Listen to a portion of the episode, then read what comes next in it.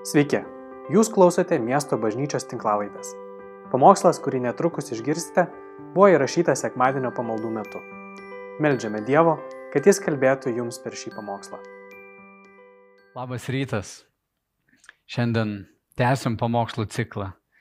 Jėzus geriau už viską. Žiūrim į laiško hebrajams, istorijas, kurios žvelgia į Jėzų kaip į tą, kuris yra didesnis pranašas, viršesnis pranašas nei visi kiti. Jis yra geresnis kunigas, jis yra žinia, kuri išsipildė. Jis yra tas, apie kurį kalbėjo senovės pranašai. Ir kai žiūrime į Bibliją, kuri yra 40 skirtingų autorių užrašyta per pusantro tūkstančio metų, yra iš tiesų unikalus dalykas, kai matai Kristų kaip tą pasko savinėlį, kurio kraujas na, apsaugo Izraelį nuo pirmagimio mirties.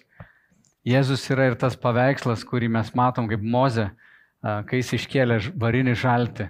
Ir visi, kurie buvo, kuriem įgėlė gyvatės, jie pažvelgdavo į tą žaltį ir nenumirdavo nuo gyvatės nuodų.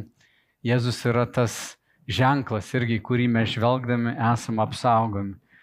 Kai žvelgi, Jėzus yra ir te prieglaudos miestai, kaip Izraelija žmogus, kuris netyčia kitą nužudydavo, buvo paskirti uh, keletą miestų, tokie prieglaudos miestai, ten žmogus galėdavo pasislėpti, kad jam nekerštautų, kad jo neužmuštų už pralietą kraują. Ir jis ten galėdavo išbūti, kol mirs vyriausiasis kunigas. Ir jeigu jam ten bebūnant vyriausiasis kunigas miršta, jis yra laisvas, jis gali išeiti. Ir mes matom, uh, tuos vaizdinius tokius, ką iš tiesų Jėzus padarė. Ir Senajame testamente yra pilna tokių vaizdinių. Jis yra kaip tas tikrasis Jona, kuris irgi tris dienas prabuvęs žuvies pilve galiausiai yra išspjaunamas, nueina į Nineviją, skelbia žinę ir visas miestas išsigelbė. Jėzus sako, taip ir žmogaus sunus, jisai tris dienas um, bus kape, o trečią dieną prisikels ir daug, daug tų įvaizdžių. Šiandien noriu pažvelgti Jėzų kaip į tą kunigą, vyriausiai kunigą. Jis yra mūsų amžinoji viltis, ant jo yra pastatytas mūsų išgelbėjimas, ne ant mūsų pastangų. Taigi šiandien tai pažiūrėsim penktą skyrių, truputį septintos skyriaus ir vėliau prieisim prie tokių problematiškų eilučių, sudėtingų eilučių iš šeštojo skyriaus. Taigi pradėkim nuo penktojo skyriaus. Kiekvienas vyriausiasis kunigas imamas iš žmonių ir skiriamas atstovauti žmonėms pas Dievą, kad aukotų dovanas ir aukas už nuodėmis. Taigi kunigas turi užduoti atstovauti žmonės Dievui. Jis atneša aukas už nuodėmės, ar ne? Jis yra tarsi žmonių pasiūstas Dievo akivaizdon. Jis sugeba užjausti nežinančius ir klystančius nes ir pats yra apgaubtas silpnumo ir dėl to turi aukoti aukas tiek už tautos, tiek už savo nuodėmis. Ir niekas pats nepasiema tos garbės vien tik tas, kuris Dievo pašauktas kaip faraonas. Taigi kunigystė nėra toks dalykas, kurį žmogus pats susigalvoja. Dievas paskiria, jis išrenka žmogų ir sako, tu būsi kunigas ir atstovausi savo tautą, atstovausi mano žmonės mano akivaizdoje. Taigi tai yra Dievo pašaukimas, ypatinga tarnystė, ji negali būti belia kaip sugalvota ir ne bet kas gali į ją įstoti. Taip pat ir Kristus ne pats savo suteikė šlovę tapti vyriausiojų kunigų, bet tas, kuris jam pasakė, tu esi mano sunus, šiandien aš tave pagimdžiau. Ir kitoje vietoje sako, tu esi kunigas per amžius Melkizadeko būdu. Jėzus yra kunigas ne Arono būdu, ne iš Levio giminės. Mes žinom, kad jis yra iš Judo giminės, iš karaliaus giminės. Ir jis turi irgi kunigystę ir Dievas jam paskyrė ypatingą kunigystę. Melkizadeko būdu. Ir tuoj pakalbėsim, kas tas Melkizadekas. Čia pasakyta toliau, kad Jėzus savo kūno dienomis siuntė maldus, maldas ir prašymus su garsiu šauksmu bei ašaromis tam, kuris galėjo išgelbėti jį nuo mirties ir buvo išklausytas dėl savo Dievo baimingumo.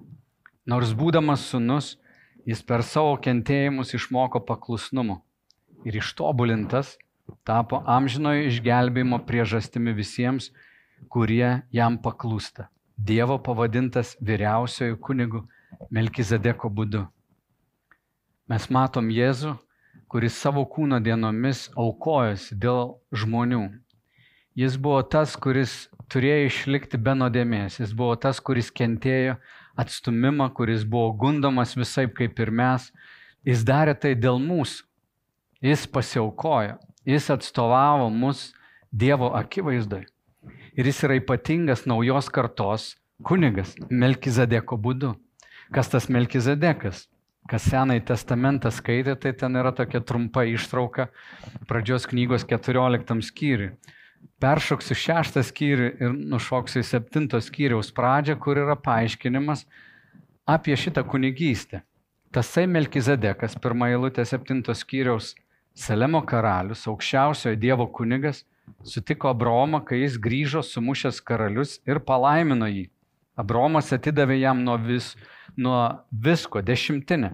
Išvertus jo vardą jis pirmiausia teisumo karalius, tas Melek yra karalius, Cedek, Melkizedek reiškia teisumo karalius, paskui Salemo arba ramybės karalius, iš Salemo miesto arba ramybės miesto.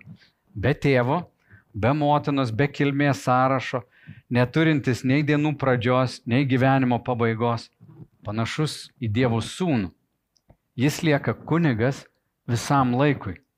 Pažvelkite, koks didis tas, kuriam patriarchas Abromas davė dešimtinę nuo karo grobio. Tai čia ypatingas žmogus.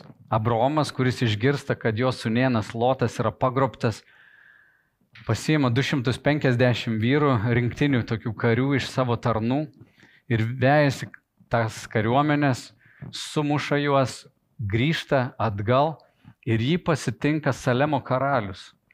Žmogus, neaišku iš kokios giminės, bet panašus į Dievo sūnų. Ir Abromas atneša jam dešimtinę. Abromo nuostata tokia. Aš pats priklausau Dievui. Aš pasitikiu Dievo pažadais. Visa mano sėkmė, visa, ką aš darau, yra Dievo.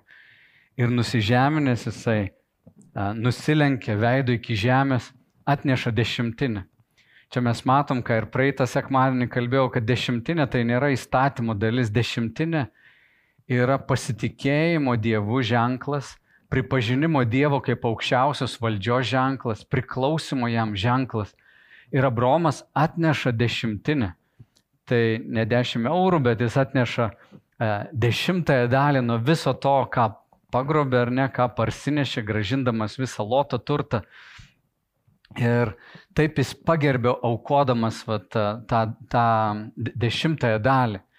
Ir panaši mūsų širdies nuostata turėtų būti, kad mes kaip Dievo žmonės lygiai taip pat mes atiduodam dešimtąją dalį nuo to, ką turim, suvokdami, kad na, mano sveikata, mano protas, mano gebėjimai, visa tai yra na, dovanas, kurias esu gavęs iš Dievo.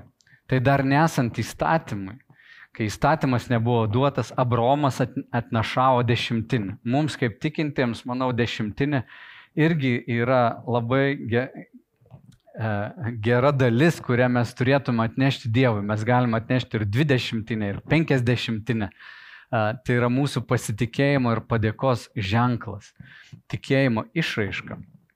Ir čia sako, žiūrėkit, koks didis buvo tas kunigas ir koks didis yra Kristus, kuriam net Abromas, ar ne, čia kaip tas įvaizdis pirminis, vat Melkizedekui Abromas atnašauja dešimtinę, O sako, Abraomo strėnuose iš jo strėnų kilo ir Mozė, ir Araonas, ir visa Levio giminė, kurie buvo kunigai, kurie patys yra išlaikomi kaip kunigai tautos. Tauta neša dešimtinės Dievui ir kunigai yra išlaikomi. Tai sako, čia patys Levitai arba Levis per Abraomą, dar būdami Abraomo strėnuose, jie irgi jam aukoja dešimtinę, taip parodydami, kad, yra, kad čia yra aukštesnė sandora, čia yra kitas lygis, kitas levelis, kurį Dievas yra paruošęs.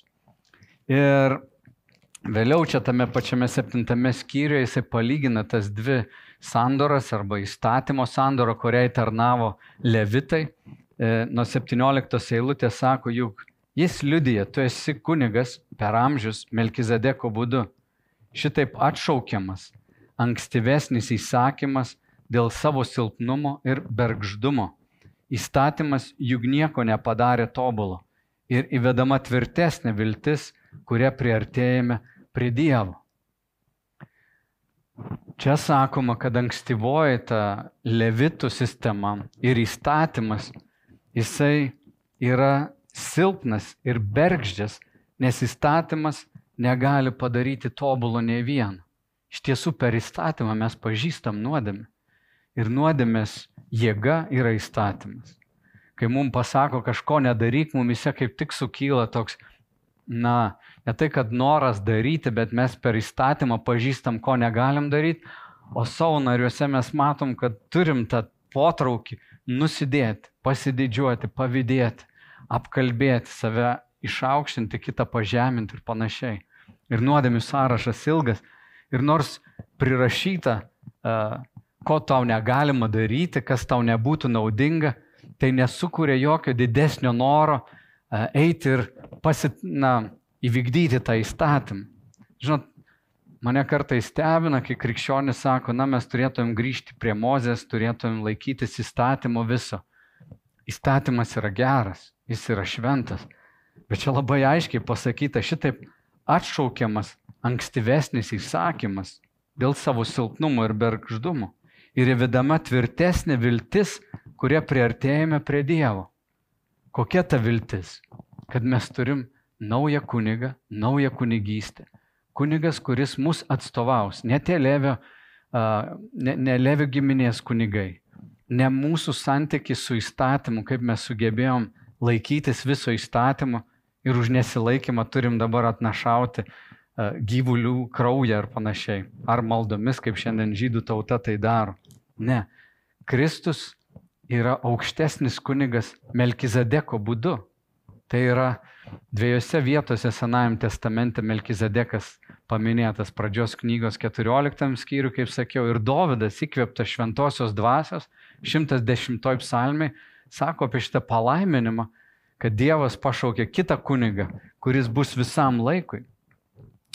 Ir nuo 23 eilutės skaitom toliau, anų kunigų buvo daug, nes mirtis jiems sukliudydavo ilgiau pasilikti. O kadangi šis išlieka per amžius, jis turi neatšaukiamą kunigystę. Todėl jis ir gali visada išgelbėti tuos, kuriuo, kurie per jį eina prie Dievo, nes jis amžinai gyvas, kad juos užtartų.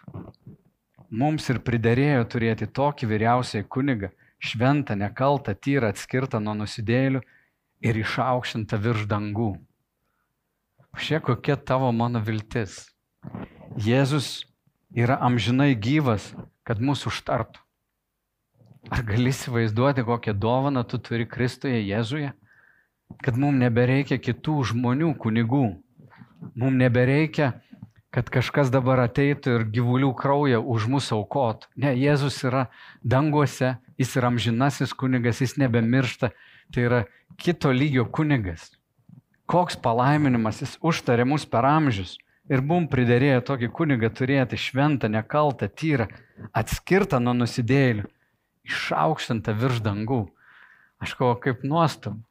Yra vienintelis tarpininkas tarp žmonių ir Dievo. Kristus Jėzus, mūsų viešpats. Jis danguje šiandien užtarė tave ir mane. Jis yra didesnis kunigas. Juk tie kunigai Senajame testamente pirmiausia patys ateidavo veršį paukodavo už savo nuodėmes. Jie irgi buvo netobuli. Bet Kristus paukojo pat save. Apie tai per Velykas kalbėsim, kad jis tapo ir auka, bet mes turim tą kunigą, kuris šiandien yra su mumis ir jis mus užtarė. Čia yra mūsų viltis, čia yra mūsų pamatas. Per jį mes esame išteisinti, bet kaip mane džiugina, kad na, ta mintis, kad kartais, kai yra beprotos sunku ir galvoja, gal Jėzus būtų tas, kuris ateis teisti, žinai, kuris, na, jis yra ir tas teisėjas, jis yra tas karalius, bet jis atėjo kaip kunigas. Jis yra tas, kuris mane užtarė, tave užtarė, jis sėdi Dievo tėvo dešinėje ir mūsų užtarė. Ar gali įsivaizduoti geresnį užtarėją, Jėzų, kuris gali atjausti tave dėl visų tavo sunkumų. Kai tu sumišęs, pasimetęs, sutrikęs, nusidedi savo, negali atleisti, Jėzus tave užtarė pas tėvą, amžinosios aukos pagrindu. Tai yra stipru. Ta kunigystė yra amžina. Jis nėra tokia laikina, ne žmogaus rankose jinai yra. Tai yra kažkas amžino tokio, ką Dievas pats sumastė, sukūrė, kaip žmogus galėtų prie jo priartėti. Va tokio kunigo mums reikia, tokį kunigą mes turim. Ačiū Dievui už jį. Ačiū tau, Jėzau, už tavo didžiulę malonę. Bet dabar prieikim prie šito laiško tokios rimtos vienos vietos. Visas ši, šis laiškas, kaip skaitėmės, yra pilnas tokių paraginimų, kad mes išliktumėm iki galo, kad mes būtumėm ištikimi. Ir štai problematiškos eilutės, jos susijusios su tokia dažnai vadinama amžinojo saugumo doktrina. Klausimas yra, ar gali tikintysis prarasti savo išgelbėjimą? Ar gali jis prapulti? Ar gali jis um, būti atstumtas ir pražūti? Ar gali jis būti ta šakelė, kurią išpjaus, įmes į laužą ir jis sudegs? Ar gali tai būti? Mes turim reformacijos tokio, tokios teologijos kalvinizmo stovyklą ir uh, Jakobo Arminijaus stovyklą. Tai vieni kalba, kad neįmanoma prarasti. Uh, yra tokie penki punktai kalvinizmo. Arminijus atvirkščiai pabrėžia žmogaus valios svarbą. Ir, ir atrodo toks tarsi konfliktas. Ir kai tu matai teologinės stovyklas kovojančias, supras, kad ten, kur randasi kažkoks paradoksas, ten kažkas yra gilaus ir svarbaus. Ir mums reikia gilintis į tai. Bet kartais prie rašto galim prieiti taip užsidėjus tam tikrą teologinę tokią perspektyvą ir bandyti visą raštą pritraukti prie savo įsitikinimų. Ir aš matau, kad žmogus linkęs į kraštutinumus. Ir aš per savo 30 tikėjimo metų buvau mokomas ir vienos tokios stovyklos teologijos, ir kitos. Ir vieni pabrėžia tą naudą, kiti pabrėžia tą. Ir visi turi šventojo rašto, na, tokį palaikymą. Niekas nesusigalvoja šiaip savo, visi remiasi šventuoju raštu. Bet yra kartais man patinka toks, na, prieimas prie šventojo raštos tokiom vaikiškom akim. Nesakau, kad į viską taip reiktų žiūrėti. Bet kartais tikrai skaitant šventąjį raštą, tai paprastai galbūt gali daugiau suprasti negu žmogus, kuris tikrai įkritęs yra na, iš tos stovyklos perspektyvos ir žudbūt gina savo, savo įsitikinimą. Kažkada pamenu, klausiausi amerikiečių pastoriaus e, Francis Chan tokį pasakymą. Sako, na jeigu pasimtum šventąjį raštą, šiaip pat naujatikis būtum, perskaitytum jį, nu niekaip, sako, nesugalvotum būti mormonu. Nu niekaip tau ne, ne, neteitų į galvą, kad tu būsi Dievas, kad čia kažkas tokio ypatingo uh, su tavim yra, arba netaptum Jehovistų. Kažkas per laiką tiesiog, na, įkelia tam tikras perspektyvas ir norisi tokį, turėti tokio ir vaikiško paprastumo ir visgi gilintis į šventąjį raštą. Taigi sudėtingos eilutės yra šeštos skyriaus nuo ketvirtos iki šeštos ir perskaitysiu iki pat dvyliktos. Paklausyk. Kurie kartą jau buvo apšviesti, paragavo dangiškos dovanos, tapo šventosios dvasios dalininkais, paragavo gerojo Dievo žodžio bei ateinančio amžiaus jėgų ir atpuolė tų nebeįmanoma vėl gražinti naujai atgailai, nes jie kryžiuoja savo Dievo sūnų ir išstato jį viešai paniekai. O čia klausimas, ar apie ką čia kalbama? Ar apie tikinti žmogų, kuris yra atgimęs iš dvasios, ar apie netikinti? Tai kalvinizmo mokymas būtų, kad čia tikrai ne apie, apie netikinti yra kalbama. Kartą apšviesti galima galbūt būti bažnyčioje tiesiog na, būti apšviestu Dievo, bet iš tikrųjų nepriimti iki galo.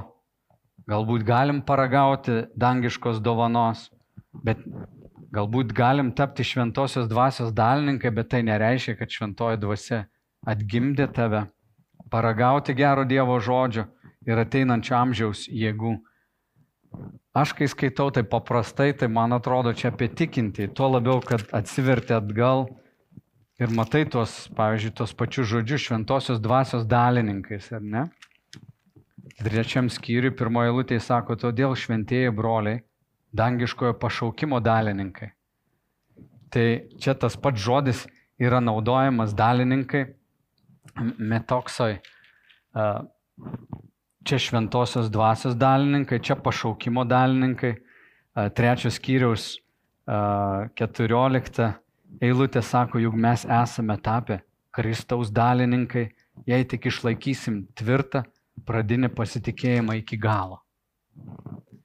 Iš tiesų taip sudėtinga, kai žiūri šitas eilutes, kaip čia dabar taip atrodo, na mes esam tikintis ir jeigu aš atpuoliau, tai man nebeįmanoma vėl grįžti naują atgailą. Ta nauja atgaila tai reikštų visgi prie to paties Kristaus. Jeigu tu atmeti šitą kelią, Kristaus kelią, tai tada tu nebegali vėl į jį įstoti. Ir kai kurie sako, tai ką tai reiškia, kad mes dabar, jeigu nusidėsime, jeigu mes, na, pradėsim ten paleistuvauti, išgerinėti, dar kažkaip bažnyčia nebevaikštai, nebesimeldi, apsileidi visiškai, tai reiškia, kad tu nebegalėsi grįžti pas Dievą. Tai čia iš tiesų yra toks iššūkis. Viena kar... iššūkis yra, tu galbūt klausai šitų žodžių dabar, man klausimas būtų toks tau. Ar nėra taip, kad tu pradėjai lankyti bažnyčią, gal net nuo mažumės lankai bažnyčią?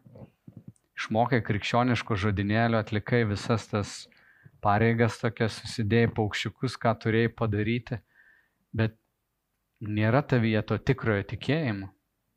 Iš tikrųjų, gal tu palaikai formą kažkaip, šneki kaip visi, tau čia kultūros dalis, bet Kristus nėra nei tavo vyriausias kunigas, nei tavo amžinoji viltis. Tau tiesiog krikščionybė atrodo, nu, faina morali. Šiandien turbūt Lietuvoje, būnant krikščionim, net ne tai, kad kažkokius persekiojimus patirsi, bet galbūt net čia bonusas, galbūt moralus geras žmogus, va, vaikštai bažnyčia, nevagi nesikeiki, nepaleistuvauja, nu viskas liuks. Bet galima būti iš tiesų tokiu tikinčiuoju, tikinčiuoju kabutėse ir neturėti asmeninio santykių su Dievu, nepažinti jo. Manom, aš manau, kad tikrai įmanoma. Tai klausimas, ar čia apie tokį žmogų kalbama. Tai kartais vat, Ir sako, na, yra tokių žmonių, jie netikri tikintieji, čia apie jos kalba eina. Nėra jokio vat, gyvenime vaisiaus ir jie sako, na, aš išgelbėtas, man viskas faina, aš galiu daryti, ką noriu ir jie pasileidžia. Bet kontekstas čia mes matom, kad čia yra visam laiške perspėjimai tiems dalininkams, pašaukimo dalininkams, Kristaus dalininkams, šventosios dvasios dalininkams. Ir žiūrėkit, ką jis toliau sako. Truputį toks paaiškinimas. Jeigu žemė sugeria dažną lietų ir iš jo želia želmenis, naudingi tiems, kurie ją dirba, tai susilaukia Dievo palaiminimu. Bet jeigu ji te želdo erškiečius bei usnis, tai ji niekam tikusi. Greitai bus prakeikta, galiausiai sudeginta. Vadinasi, žmogaus gyvenimas, jeigu jam yra išlietos tos malonės, o kažkokiu būdu tai neneša jokio vaisiaus. Ir čia susirūpinimas žmogui, kurio gyvenime nėra meilės, nėra ramybės, nėra atleidimo, nėra malonės, gerumo, e, susivaldymo, ištikimybės, jei nėra jokių nei dvasios vaisiaus, nei tikėjimo vaisiaus. Jeigu jis yra piktas, teisantis, fariziejiškas toks, klausimas, ar jis iš tikrųjų yra ot išgelbėtas. Ar jis neapgaudinėja savęs, būdamas tiesiog bažnyčioje su kitais tikinčiaisiais. Bet kitas dalykas yra, jeigu visa tai e, Dievo gerumas, jo malonė, jo dovana, šventoji dvasia yra išliejama, vadinasi, tai turėtų nešti gerą vaisių. Ir Dievas nesiuošia nieko išmesti, bet paskirtis būtų, kad ta žemė duotų gerą vaisių, o ne irškiečius. Ir jis, žiūrėkit, toliau sako, nors taip kalbame, bet jums, mylimieji, tikimės geresnių vedančių išgelbėjimą dalykų. Dievas nėra neteisingas, kad pamirštų jūsų darbą ir meilės triūsą, kurį parodėt jo vardui, kai tarnavote ir tebe tarnaujate šventiesiems. Todėl trokštame, kad kiekvienas iš jūsų rodytų ankstesnį olumą iki galo, kol pasieks visišką vilties užtikrintumą, kad neaptinktumėte bet būtumėte sekėjai tų, kurie tikėjimu ir kantrybė paveldi pažadus. Kodėl yra šitas perspėjimas? Sako, mes tikim geresnių dalykų jūsų gyvenime, kad tai nebus tiesa, kad jūs nebusite ta bloga žemė. Bet toliau raginimas, kad jūs išlaikysite tą ankstesnį olumą iki galo. Ir čia ir vienoje, ir kitoje vietoje šitam laiške sako, išlaikykite tikėjimą iki galo. Žiūrėkit, kad kažkokia kartelio šaknis ne, ne, ne, neįlystų jūsų širdį. E, išlaikykite tikėjimą. 11 skyriui jisai rodo visus tikėjimo didvyrius ir žiūrėkit, jie išliko iki galo. Kai kurie net nesulaukė to, kas jiems pažadėta, bet jie buvo išlikę iki galo. Ir klausimas, apie kokią čia tada nuodėmę kalbam. Jeigu čia kalbam apie tikinčiuosius, ir aš tikiu, kad čia yra kalbama apie tikinčiuosius, tai ta nuodėmė, kai sakoma čia atpuolė, tai yra apostazija arba Kristaus išsižadėjimas. Kristaus išsižadėjimas, jo atsisakymas. Šiandien nekalbam apie tai, kad žmogus prisigėrė, atsikėlė ryte ir sako, šakės, aš prisidirbau. Ne apie tai kalba.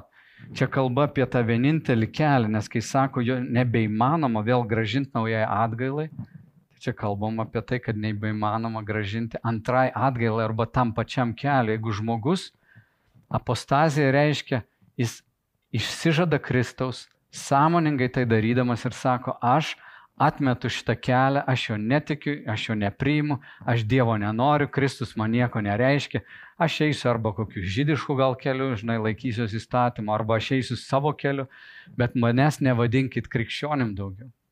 Aš tokių bičiulių turėjau ir nu, dabar dar esam bičiuliai. Su kai kuriais mes kūrėm planus netgi bažnyčioje kažką daryti, vėliau jie kažkur pasimokė kažkur, prisiskaitė vienokių kitokių knygų, galiausiai sako, aš nesu krikščionis, aš atsižadu, aš atsisakau. Panašiai kaip Klaivos Teiplo Liujiso knygoje Didžiosios skirybos, jis sako, žmogus pats pasirenka į pragarą. Jisai sako, man nereikia Dievo. Žiūrėkit, dešimtam skyriui vėl skamba tas pats perspėjimas. Sako, jeigu 26 eilutė, jeigu pasiekia tiesos pažinimą, sąmoningai nusidedame, tada nebelieka aukos už nuodėmės, bet kažkoks baisus laukimas teismo ir liepsnojančio pykčio, kuris prarys priešininkus. Jei kas atstumė Mozės įstatymą, tas be jokio pasigailėjimo turi mirti dviems am trims liudytojams paliudijus. Tik pagalvokite, kaip dar sunkesnės bausmės nusipelnys tas, kuris sutripė kojomis Dievo sūnų, nešventu palaikė sandoros kraują, kurio buvo pašventintas ir įžeidė malonės dvasę. Čia nekalbam apie prisigerimą arba kažkokį netyčinę tokią nuodėmę, arba net daugybę nuodėmių, kurie žmogus daro ir atrodo, kad kažkurį laiką nėra jokių vaisių. Mes kalbam apie Kristaus išsižadėjimą. Ir dėl to yra tas raginimas, kol mes esam tikėjimo kelionė, išlaikyk savo tikėjimą. Bet to mes savo jėgomis negalim niekaip padaryti.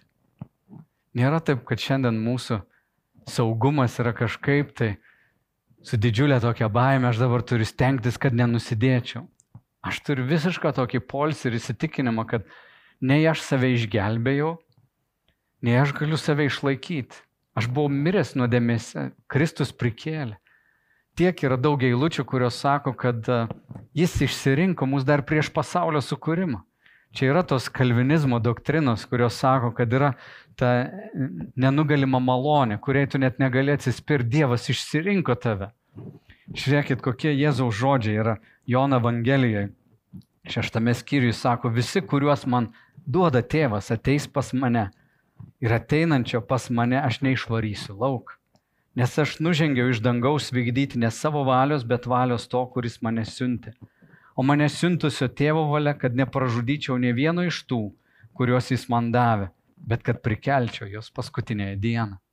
Kitoj vietoje dešimtam skyriui sako, mano avis girdi mano balsą, aš jas pažįstu ir jos seka paskui mane. Aš duodu joms amžinai gyvenimą, jos nepražus per amžius ir niekas jų neišplėš iš mano rankos. Niekas jų neišplėš iš mano rankos. Mano tėvas, kuris man jas davė, yra aukščiau už viską ir niekas negali jų išplėšti iš mano tėvo rankos. Argi nenuostabu, kad mūsų vyriausiasis kunigas sako, niekas tavęs iš mano rankų neišplėš. Tėvas man davė tave, aš tave išsirinkau. Efeziečiams laiškė pirmam skyriui pasakyta, jis siuntė savo šventąją dvasę kaip garantą. Jis yra, ta šventoji dvasia mumise yra užstatas, kurią mūsų užanspaudavo iki atpirkimo dienos. Taigi Dievas yra tas, kuris siunčia laišką, jį užanspaudavęs, jis yra tam, kuriam laiškas yra adresuotas. Ir tas laiškas grįžta ir jis yra tas, kuris atplėšia laišką. Jis yra siuntėjas ir gavėjas. Anspaudas yra šventoji dvasia. Jis siunčia šventąją dvasę į mūsų širdis, užanspauduojamus, kad vieną dieną atplėštų, atsimtų mus savo. Mes esam saugusėme. Romiečiams pasakyta, o kuriuos jis iš anksto numatė, tuos iš anksto ir paskyrė tapti panašius į jo sunaus atvaizdą, kad šis būtų pirmagimis tarp daugelio brolių. O kuriuos iš anksto paskyrė, tuos ir pašaukė. Kuriuos pašaukė, tuos ir išteisino. Kuriuos išteisino, tuos ir pašlovino. Žiūrėk, čia visi tie keturi žodžiai - paskyrė, pašaukė, išteisino ir pašlovino yra tame pačiame laike. Tarsi praeitie tai įvyko. Pašlovino, čia kalbam apie to žmogaus būseną ateityje. Ir žinoma, tai yra toks konfliktas, palauk. Jeigu Dievas mane užanspaudavo, jeigu Jis garantuoja, yra tiek daug švento rašto ištraukų, kurios sako, na niekas neišplėš manęs iš jo rankų, kodėl tiek daug perspėjimų, išlikit iki galo. Kodėl visom septyniom bažnyčiam apreiškimo knygoje sakoma, nugalėtojai aš duosiu uh, apdovanojimą. Išlikit iki galo. Kodėl šitam laiškė pilna perspėjimų? Čiagi dešimtas skyrius ir sako, kad mes turim išlikti ar ne iki galo, kokia bausmė bus tam, kuris paniekina. Ir čia kalba gali būti tik apie vieną nuodėmę. Apie šitą apostazės nuodėmę, apie Kristaus išsižadėjimą. Ir visos tos eilutės, kurios sako, saugokitės, kad kažkokia nuodėmės klasta nepradėtų plisti jumise. Žiūrėkit, brangiai, tu gali būti saugus dėl savo išgelbimo. Bet tavo saugumas nėra tavo darbuose, kad tu išlaikysi. Turi būdėti. Tu, aš manau, turim ilsėtis Kristaus meilė, būti užtikrinti tuo. Ir tuo pačiu metu žinoti, neduok Dieve, kažkaip aš pradėsiu eiti šoną ir ateisiu iki tokio proto užtemimo per besikartojančias nuodėmes. Dievas mane kaip sūnų turbūt baus, vat, kaip čia Hebrajams 12 skyriui sako, jis bandys mane gražinti, bet Jeigu aš neiksiu, tai sakysiu, šalin nuo manęs, traukės nuo manęs, Dieve, su visom tom pamokom, aš tavęs nenoriu, man tavęs nereikia, galiausiai ateisi iki tokio taško, kai išsižadi jo, ar nebus, kad Dievas sulaiko tą savo suverenumą ir leidžia gyventi su tuo pasirinkimu be jo ir išeiti jam žinybę visiškai be jo. Bet mums išgelbėtėm tą malonę, užtikrintumas, kad turim šventąją dvasę, jo pažadus Tas pats šeštas skyrius nuo 17 eilutės sako, todėl Dievas, norėdamas stipriau pabrėžti pažado paveldėtojams savo valios nekintamumą, pridėjo priesaiką. Tad du nekintami dalykai. Kas tie du nekintami dalykai? Pažadas ir priesaika. Dievas davė pažadą, aš išgelbėsiu ir jis dar prisiekė, kad tai padarys. Du nekintami dalykai, kuriuose neįmanoma, kad Dievas meluotų, tvirtai godžia mus atradusius prieglopsti mums skirtoje viltyje. Ji mums yra tarsi saugus ir tvirtas sielos inkaras, prasiskverbiantis pro uždangą vidun, kur už mus kaip pirmtakas įžengė Jėzus, tapęs amžiams vyriausiojo kunigu Melkizadeko būdu.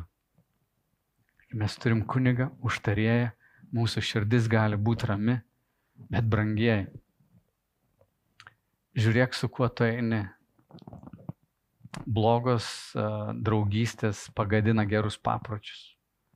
Artinkis prie bendruomenės. Ar yra tavo tarpe žmonių, kurių tikėjimas yra gyvas, aštrus,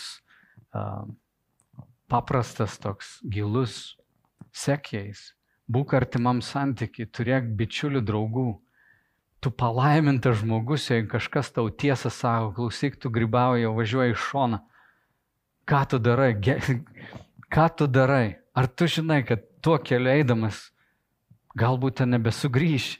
Tu nežinai, kas su tavo širdim atsitiks. 12 skyriui ten duodamas Ezavo pavyzdys, sako, jis neberado progos atgailai, nors ieškojo jo su ašarom. Tai tu palaimintas ir mes kaip tikintieji burkimės drauge. Čia, kai gali rinktis vėl, sąlygos keičiasi, būk maldoje, rinkis, artinkis prie kitų brolių, būk tikėjimo bendruomeniai, puoselėk maldingumą, nebūk neprotingas, kad neduok Dievę nenaitum į tokios apostazės būseną. Bet ir negyven kažkokiai baimė, žinai, to nereikia bijoti, visas dangus yra už tave ir už mane. Pažadai, garantas šventosios dvasios, ačiū Dievui už tas malonės, mes galime ilsėtis. Judo laiškas taip nuostabiai sako, jūs pasilikite Dievo meilė.